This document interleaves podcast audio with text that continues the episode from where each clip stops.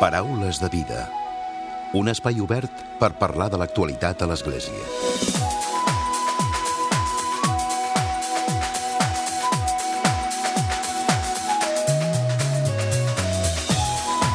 Salutacions i molt bon dia, molt bon diumenge. Avui us volem parlar de la nova guia per orientar l'acolliment de les persones migrades i refugiades a les parròquies i comunitats que s'ha impulsat des de la Plataforma d'Entitats Cristianes amb els Immigrants. Una plataforma que reuneix des de fa més d'una dècada les entitats d'inspiració cristiana amb més trajectòria en el treball per les persones migrades. La plataforma va néixer l'any 2005 per impuls de diversos col·lectius d'Església que van detectar en aquell moment una certa dispersió i també descoordinació del treball eclesial entorn del fenomen de la immigració palesa, sobretot especialment aquell any durant les tancades de persones immigrades a la Catedral de Barcelona i també a d'altres esglésies. Avui coneixerem com és aquesta guia, que es pot descarregar, per cert, de manera gratuïta per internet, i ho farem en conversa amb en Santi Torres de Migra Studium, amb ell i vinculat també a la preocupació que hi ha des de la plataforma l'acolliment dels immigrants, parlarem de la xarxa d'Hospitalitat, un projecte d'acompanyament integral a persones migrades.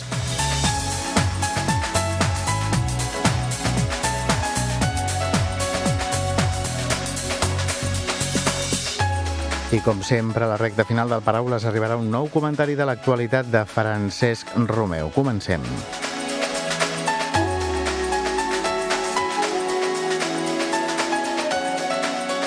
Paraules de vida.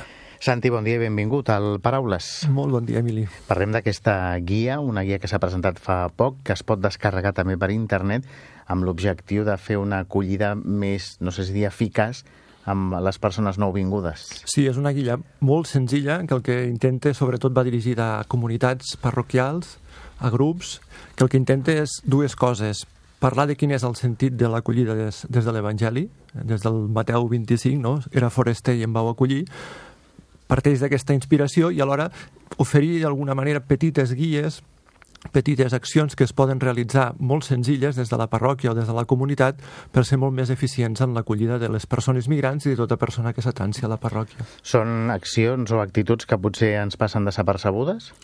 Són coses que moltes vegades haurien de ser normals, però no ho són tant potser en el dia a dia nostre, no? Nosaltres parlem que acollir sobretot tres coses. Acollir és rebre, rebre la persona, eh, tenir un temps per un espai per poder-la per poder-la atendre, que seria la segona cosa, acollir és atendre, i el tercer és acollir és servir. Eh? La, seguint una mica la paraula del bon samarità és interessar-se per l'altra persona, saber què és el que busca, saber què és el que vol, orientar-la, o simplement escoltar-la, perquè moltes vegades en la nostra societat anem tan de pressa que no tenim ni temps per poder escoltar l'altre. Això et volia preguntar, aquests eh, supòsits es basen sobretot en dedicar més temps, no? El, temps és la paraula clau. Nosaltres diem un temps i un espai. Aquestes dues coses són les dues úniques coses necessàries per poder acollir bé a la persona que s'atança en una parròquia. I moltes vegades les dues coses no les tenim. Sobretot ens falta el temps. Les nostres parròquies o comunitats moltes vegades estan posades en un activisme, no? en fer moltes coses, però moltes vegades no ens aturem o poques vegades ens aturem a veure qui és la persona que ve a la, que s'atança a nosaltres o què és el que busca, quines són les seves necessitats o les seves preocupacions. Temps i un espai tranquil per poder-la per poder atendre. Uh -huh. Això és el que sobretot es necessita. Uh -huh. I vosaltres eh, hi ha aquesta guia que la, la, la gent que la vulgui se la pot descarregar, la pot llegir, i és, com dius, pràctica, no? O sigui, hi ha uns, uns certs supòsits, no? és sobretot pràctica. Es tracta de recuperar alguna cosa que és essencial en la nostra manera de viure el cristianisme, que potser s'ha perdut en els, avui en dia, que és eh, el fet de que necessitem ser acollits pels altres. Leonard Boff tenia una, una expressió que era molt, bonic, molt bonica, que a mi m'agrada molt, que diu existim perquè alguna vegada hem estat acollits. Eh? Hem estat acollits primer pels nostres pares, hem estat acollits per la nostra família, hem estat acollits per l'escola, hem estat acollits per diferents realitats. Sembla, però, que en algun moment a la vida ens oblidem d'això no? i comencem a pensar que som autosuficients. Es tracta, doncs, de recuperar aquesta memòria de que existim perquè som acollits. Tots, tots necessitem eh, d'algú que ens doni temps, que ens rebi, que ens escolti. Lògicament, hi ha persones pues, que tenim més recursos, hi ha persones que tenim més xarxa, que tenim més família, però al nostre voltant cada vegada hi ha més gent, immigrants i no immigrants, que no tenen aquesta xarxa i aquests recursos. Per tant, convé que ens posem d'alguna manera a disposició d'aquesta mm. escolta. La guia és fruit de, de la feina que es fa des de la plataforma. A la plataforma hi ha moltes entitats. Com s'ha fet? No sé si, si en el seu dia es va posar també en comú les mateixes inquietuds que tenen les diferents entitats que formen la plataforma o de quina manera es va fer? La guia ve a ser com el no, no anava a dir el punt final, però sí una mica el, el, terme d'un treball que s'ha anat fent durant aquests dos o tres últims anys al voltant del tema de l'hospitalitat, de l'acollida i de l'hospitalitat. Que ara en parlarem també, no?, de la xarxa... De la xarxa hospitalitat. És a dir, des de fa dos o tres anys ens preocupa, sobretot, en el tema de la immigració, però també en el tema social, el fet de que cada vegada anem cap a una societat com més disgregada, més atomitzada. Eh? Han perdut aquest sentit comunitari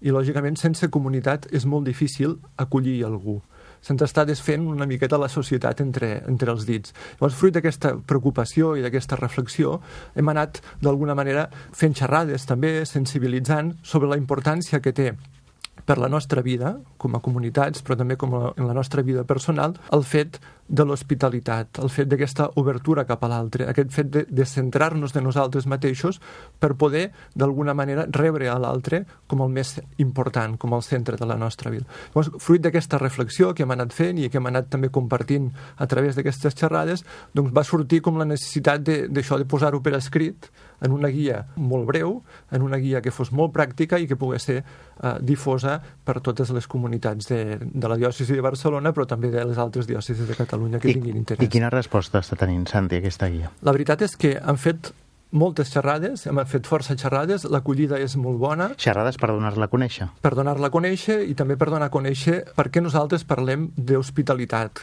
perquè nosaltres parlem de l'acollida com un dels centres, una de les coses a reivindicar més. No? Estem molt acostumats a parlar dels 10 manaments, però moltes vegades oblidem que un dels manaments que tenim és el manament de era foraster i em vau acollir, eh, de Mateu 25. Per tant, és recuperar aquest manament i posar-lo també al centre de la, de la comunitat. Per tant, han fet moltes xerrades i jo crec que l'acollida la, la, d'aquesta guia va ser, va ser bona. Moltes vegades hem de trencar esquemes. Pensem que avui vivim en un món en el qual l'altre és sempre una, viscut com una amenaça, sobretot si l'altre és poc conegut, si l'altre és un, molt diferent al mi, si l'altre té una altra religió, ve d'un altre lloc, de seguida posem totes les alarmes. Per I... tant, no és fàcil, no és, no és evident això de l'hospitalitat. Per tant, com anem eliminant pors, com anem eliminant barreres i com d'alguna manera anem guanyant en confiança cap a l'altre. Aquesta tendència de la por a l'altre s'ha anat incrementant en els últims anys per la crisi econòmica o per la situació complicada que hi ha hagut, Santi? Hi ha hagut molts factors que hi han ajudat. Jo crec que ajuda la mateixa, eh, la mateixa societat, que és una societat, com dia abans, molt individualista, en la qual es desconfia moltíssim els uns dels altres. Jo que sóc d'un poble molt petit, eh, la confiança era un element bàsic per poder funcionar. Això s'ha anat, anat perdent, eh? desconfiem, ja desconfiem eh, ja com a, primera, com a primera cosa. Però lògicament hi ha hagut altres factors. En relació a la immigració, doncs podem tingut factors doncs, de el terrorisme islàmic no ha ajudat, l'islamisme, i després molts discursos, discursos i relats que han posat, diguem-ne, la por a les persones, o la por i l'amenaça de que aquella persona que ve doncs, o em prendrà els meus recursos, o em prendrà la meva seguretat, o em prendrà, etc. Però el punt de partida, ja dic, no és només en relació als immigrants, sinó que és en relació al veí. A vegades oblidem, no és només els immigrants. Quan, com costa en una escala de veïns confiar els uns amb els altres? Com costa en una escala de veïns doncs, crear espais compartits de confiança per, per que generin doncs, una, una convivència que sigui saludable? Això està costant molt ja en la nostra societat. Per tant, el que es tracta és, en les nostres xerrades i amb aquesta guia, és que la gent recuperi aquesta confiança a poc a poc. -huh. sabent que no és, no és fàcil perquè els nostres esquemes són els que són. Parlem, Santi, de la xarxa d'hospitalitat que dèiem abans. Això és també és un projecte fruit de la reflexió de Migra Studium? Això és un projecte fruit de la reflexió de Migra Studium. Migra Studium és una entitat del Servei Jesuïta Migrants, una xarxa a nivell estatal, que també al llarg dels últims anys ha anat eh, reflexionant i intentant fer accions al voltant del tema també de l'hospitalitat. I una de les accions més concretes i diria més atrevides o més novedoses, que també vol ser signe, potser un signe més extrem del que diem abans, de l'acollida és persones o famílies que obren les portes de casa seva a acollir a persones immigrants o refugiades. Aquest projecte ja s'està fent en diferents ciutats de, de l'Estat, ha començat també aquí a Barcelona, en aquest moment a Migra Studium, a la xarxa d'hospitalitat, tenim ja cinc o sis famílies que han començat a acollir a persones immigrants. Eh? Són acollides de 5-6 mesos màxim, que moltes vegades el que fan és ajudar la persona en una situació de, de, de dificultat, d'emergència. Nosaltres sempre diem que no és només donar menjar i sostre, sinó que és molt més que això. Eh? És signe, d'alguna manera, d'obrir la porta de casa nostra, que és allò més íntim, no?, d'alguna manera, i compartir-lo amb, un, amb l'altre eh, compartir-lo amb l'altre. Tot això es fa, lògicament, acompanyat per la, per la mateixa entitat, per educadors de la mateixa entitat i formant part d'un projecte. Per això parlem de xarxa d'hospitalitat. No parlem d'una família que acull un mirant com aquell qui l'adopta, sinó que formem una xarxa que és la xarxa que, que vol eh, acollir aquelles persones migrants o refugiades que en tinguin necessitat. Mm. I com arriben fins a aquesta xarxa, Santi? Doncs arriba... Com és el procés? Arriben a través de la mateixa entitat, Migra Studium, que, que ja té en si mateixa un projecte d'acollida, té cursos de llengua, té diferents activitats relacionades amb el, amb el tema de la immigració, doncs en aquestes activitats detectem persones que poden tenir necessitats d'aquest recurs i és el que oferim. També venen a vegades derivades d'altres entitats o de... De serveis socials també pot ser? O... Podria, podria ser que també alguna ens arribés. En aquest moment, com que tot és molt, molt inicial, molt, molt inicial, encara estem tot just presentant el projecte. De moment, la majoria de persones han arribat a través de, de la mateixa entitat de Migrastudi. Uh -huh. I quin és el perfil d'immigrant? De, Deies, immigrants o refugiats? És a dir, de persones que potser ja estaven aquí, que ja coneixen la realitat catalana, i, o també de refugiats que potser han arribat fa poc. A nosaltres ens, ens costa aquesta distinció d'immigrants i refugiats, que és una, de fet una distinció també legal, eh, legal perquè eh, ens costa de fer-la perquè per nosaltres es tracta de persones que han hagut de marxar del seu país per raons ja siguin econòmiques, ja raons de conflicte, raons de persecució, i que han marxat d'una manera forçosa del seu país. Per tant, nosaltres no fem aquesta distinció. Acostumen a ser persones joves, és veritat, cada vegada ens trobem més amb persones, amb persones joves, persones que algunes estan ara en aquest moment en situació de, de carrer, que estan vivint al carrer. Que estan, que estan vivint al carrer, algunes d'elles estan en situació irregular, altres tenen una situació regular i, i de fet, el, el fet d'estar en, un, en una casa o en una llar els ajuda també a l'hora de, buscar, de buscar feina, perquè poden fer-la perquè tenen, tenen, tenen papers, però aquest és una mica el perfil que estem tenint ara. Persones, sobretot joves, i persones que estan doncs, buscant aquí una, una sortida, diguem-ne, una sortida vital a les seves il·lusions, a la seva, a la seva vida. I les famílies que... Dius que hi havia 5 6 famílies que En aquest estan... moment estan 5 o 6 famílies i molta gent doncs, que s'ho està pensant i d'aquí també llanço doncs, una, una doncs, crida, una crida doncs, a aquelles persones que puguin estar interessades en el projecte doncs, que entrin a la, a la web de Migrastudium, migrastudium.org i que vegin doncs, una mica quin és el projecte perquè realment és, in, és interessant. Uh -huh. Aquestes persones aquestes famílies són famílies que tenen a veure amb l'entorn més religiós o, o que tenen vincle amb, amb vosaltres? En aquest moment, com que diguem-ne la difusió o l'inici ha començat sobretot a, en l'àmbit dels, dels jesuïtes de, de Catalunya, de la família, doncs, lògicament són famílies vinculades a aquest àmbit. Pot, ser des de, pot haver-hi des de persones que pertanyen a comunitats de vida cristiana, pot haver-hi persones que pertanyen a properes a entitats, també dins la plataforma d'entitats doncs, hi ha gent que, que se n'ha assabentat i que també ha ofert casa, casa seva, doncs són, sí, de l'àmbit aquest, diríem, religiós o, o de l'àmbit. Uh -huh. I com es fa la, la gestió? O sigui, un cop que la, la família decideix eh, acollir-ho, suposo que vosaltres doneu tota la informació, feu un seguiment l'assessorament o de quina manera de quina manera s'estableix? d'alguna manera, doncs, doncs, clar, parlar amb aquesta família, eh, plantejar totes les, les els coses, els dubtes i totes les coses que, supo, que suposa el fet d'acollir algú i deixar que la, que la família, la parella, el que sigui, doncs, que, que d'alguna manera pensi, s'ho pensi i miri d'alguna manera com això també pot encaixar en la seva vida en el realisme que tenim, no? que, que pues, hi ha persones que tenim a vegades vides més complicades o vides que, que tampoc no estan tan estables o que no podem fer aquesta funció i podem fer-ne segurament moltes altres. No? Per tant, hi ha com una mena de, de podríem dir, de discerniment entre, entre els responsables del projecte i la família de poder anar veient a veure si és possible arribar a terme a, a, aquesta, a fer mm. realitzar aquesta acollida. I suposo que també, no sé si potser algú que ens estigui escoltant avui pot haver-hi aquesta certa reticència del que dèiem, no? És una persona de fora, és una persona que està dormint al carrer, mm, la posaré a casa meva, això pot tenir risc, no pot tenir risc, aquí entra el vostre paper, no?, d'assegurar i d'explicar i de fer la pedagogia, no?, de la, de la necessitat. L'acompanyament és, és total, no es tracta mai d'una acollida definitiva, sinó d'una acollida que dure només uns, uns mesos, en, lògicament, si, quan hi ha dificultats, produeixen dificultats, tot això, tot això és l'entitat la que, la que, la que respon. Sí que cal dir eh, que, que plantegem les coses com, com són, és a dir, no és, no és fàcil obrir les portes de casa. No, no, clar, és que em venia al cap això, no? O sigui, que potser molta gent que ens estigui escoltant diu sí, sí, això es planteja d'una manera molt fàcil, però no, no, potser no, hi ha els dubtes, no? No, no ho és. La, la, la filòsofa Begoña Romano diu, no? diu una cosa és ser hospitalaris amb els nostres amics, no? que, que venen una hora i se'n marxen, i marxen de casa una hora, que els tenim a dinar, això, això és ser hospitalari no? i ser acollidor també.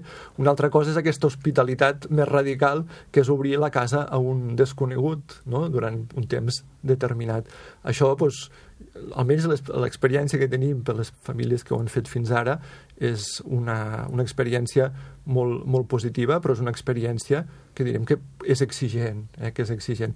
Però crec que hem d'estar tots oberts a, poder-la, almenys a poder-nos-ho plantejar. Després ja el fet de poder-ho realitzar cadascú doncs, podrà, podrà veure-ho. No? Clar, de, fer el, de decidir-se i de fer el pas endavant, no? Exacte, exacte. Mm. I s'ha de ser un pas lògicament pensat, ha de ser un pas doncs, mirant les circumstàncies que, que hi ha, vull dir, des d'aquestes famílies que diem, hi ha des d'alguna comunitat religiosa que lògicament ho té més fàcil en alguns aspectes, però que també s'ho ha, ha de plantejar per, per el que li suposa.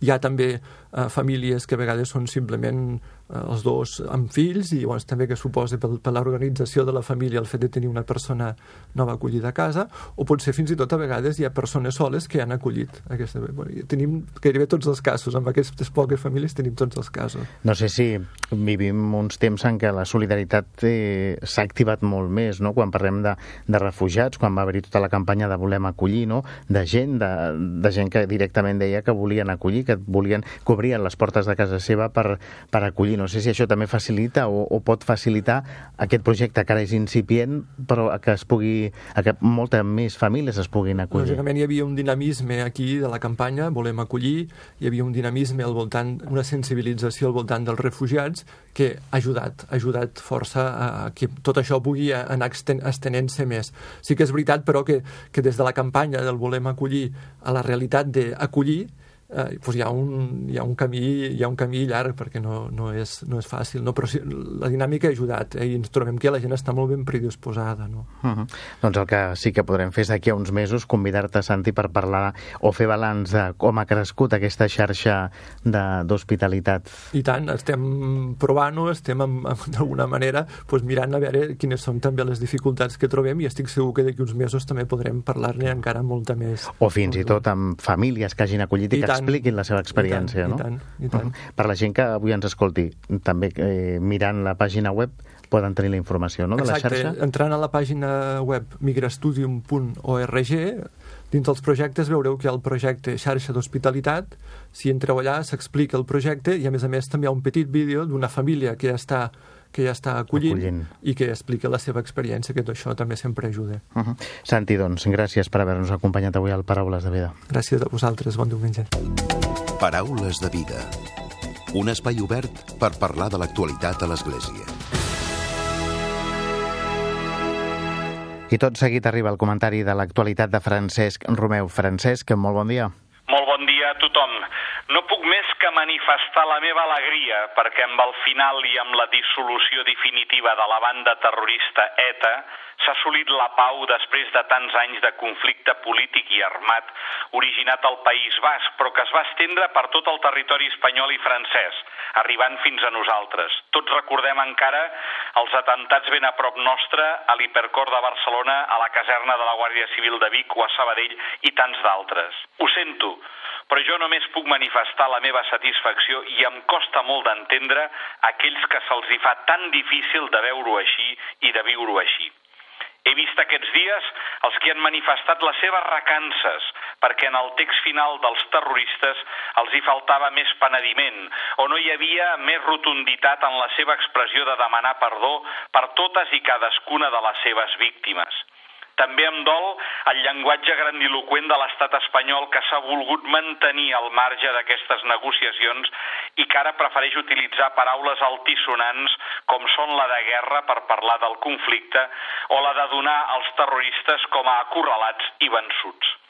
A mi em costa d'entendre-ho perquè després de tantes morts inútils jo prefereixo la pau al preu que sigui i sense condicions. Quants familiars de víctimes no havien desitjat aquests moments?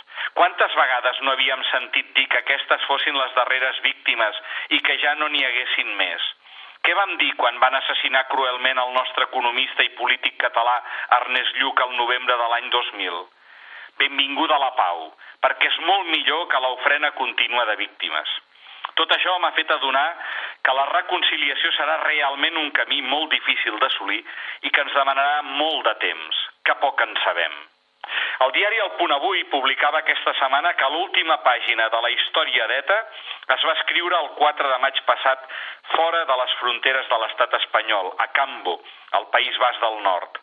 A, 100, a 103 quilòmetres, una hora i 22 minuts de Deva, Guipúscoa, on pels vols de Nadal del 1958 es va fundar l'organització i a 67 quilòmetres, una hora i 5 minuts de Sant Sebastià, també a Guipúscoa, on amb la declaració de Iete, el 20 de novembre del 2011, es va començar a recórrer un camí unilateral que va culminar el passat 4 de maig a la declaració d'Arnaga a Cambo. Text que pren el nom del palau on es va fer l'acte que va certificar el final d'ETA un palauet d'Edmond Rostand, l'autor del Girano de Bergerac, que va fer-se construir el 1903 i on el 1909 va morir el músic català Isaac Albéniz.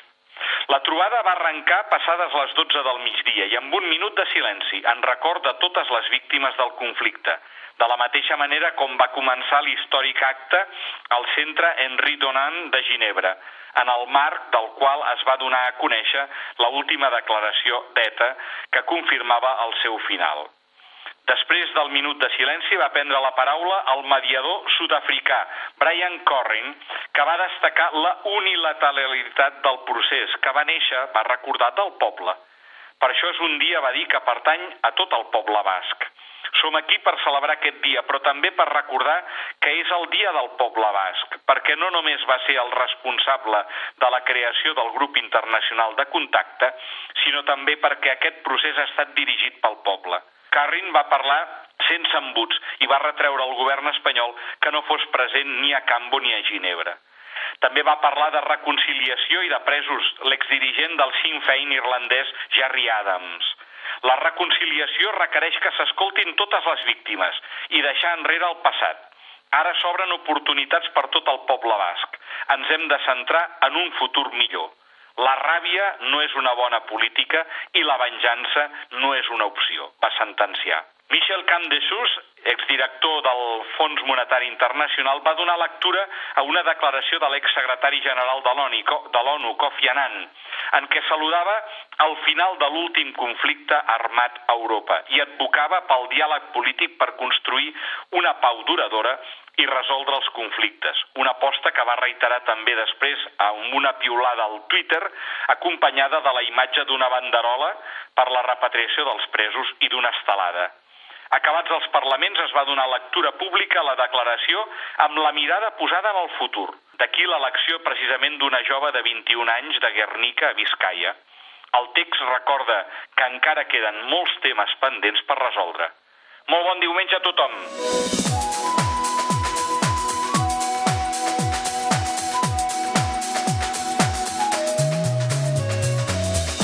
Fins aquí el Paraules de Vida d'aquesta setmana. L'Eduard Nas ha estat el control tècnic i qui us ha parlat l'Emili Pacheco. Que passeu bon diumenge i una molt bona setmana.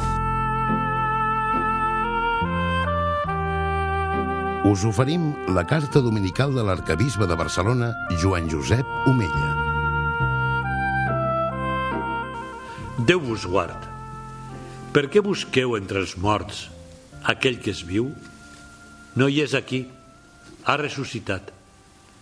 Aquesta és la bona notícia per excel·lència que celebrem durant el temps de Pasqual. La gran festa cristiana de la Pasqua ens convida a tots a fer aquests passos. Passar de la sorpresa a la joia i de la joia a la visió serena de la fe. Aquesta és la bona notícia que volem compartir amb tots els homes i totes les dones del món. La mort no té la darrera paraula de la nostra vida. La mort és la porta a una nova existència sense límits. És aquest pas, aquesta Pasqua de la vida terrenal a l'eterna, el que ens ajuda a refer l'esquema de valors de la nostra vida i ens allibera del nostre jo per obrir-nos als altres, al nosaltres. A fer aquest pas ens hi vol ajudar el document Orientacions i propostes per a una conversió pastoral a l'arxidiòcesi de Barcelona que coneixem com a Pla Pastoral Diocesà. Sortir del jo per obrir-nos al nosaltres és una necessitat que ja va quedar palesa en la consulta prèvia al Pla Pastoral, concretada en una opció pels pobres en la línia del que ens proposa repetidament el papa Francesc.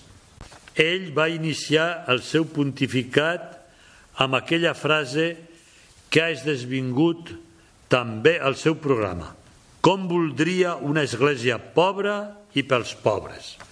Les respostes a la consulta que van fer insistien en el fet que ens cal descobrir les pobreses que ens envolten i que cal fer-ho amb l'esperit de la paràbola evangèlica del bon samarità. Hem de descobrir els pobres que tenim a l'entorn i més avui que abunden tantes pobreses amagades.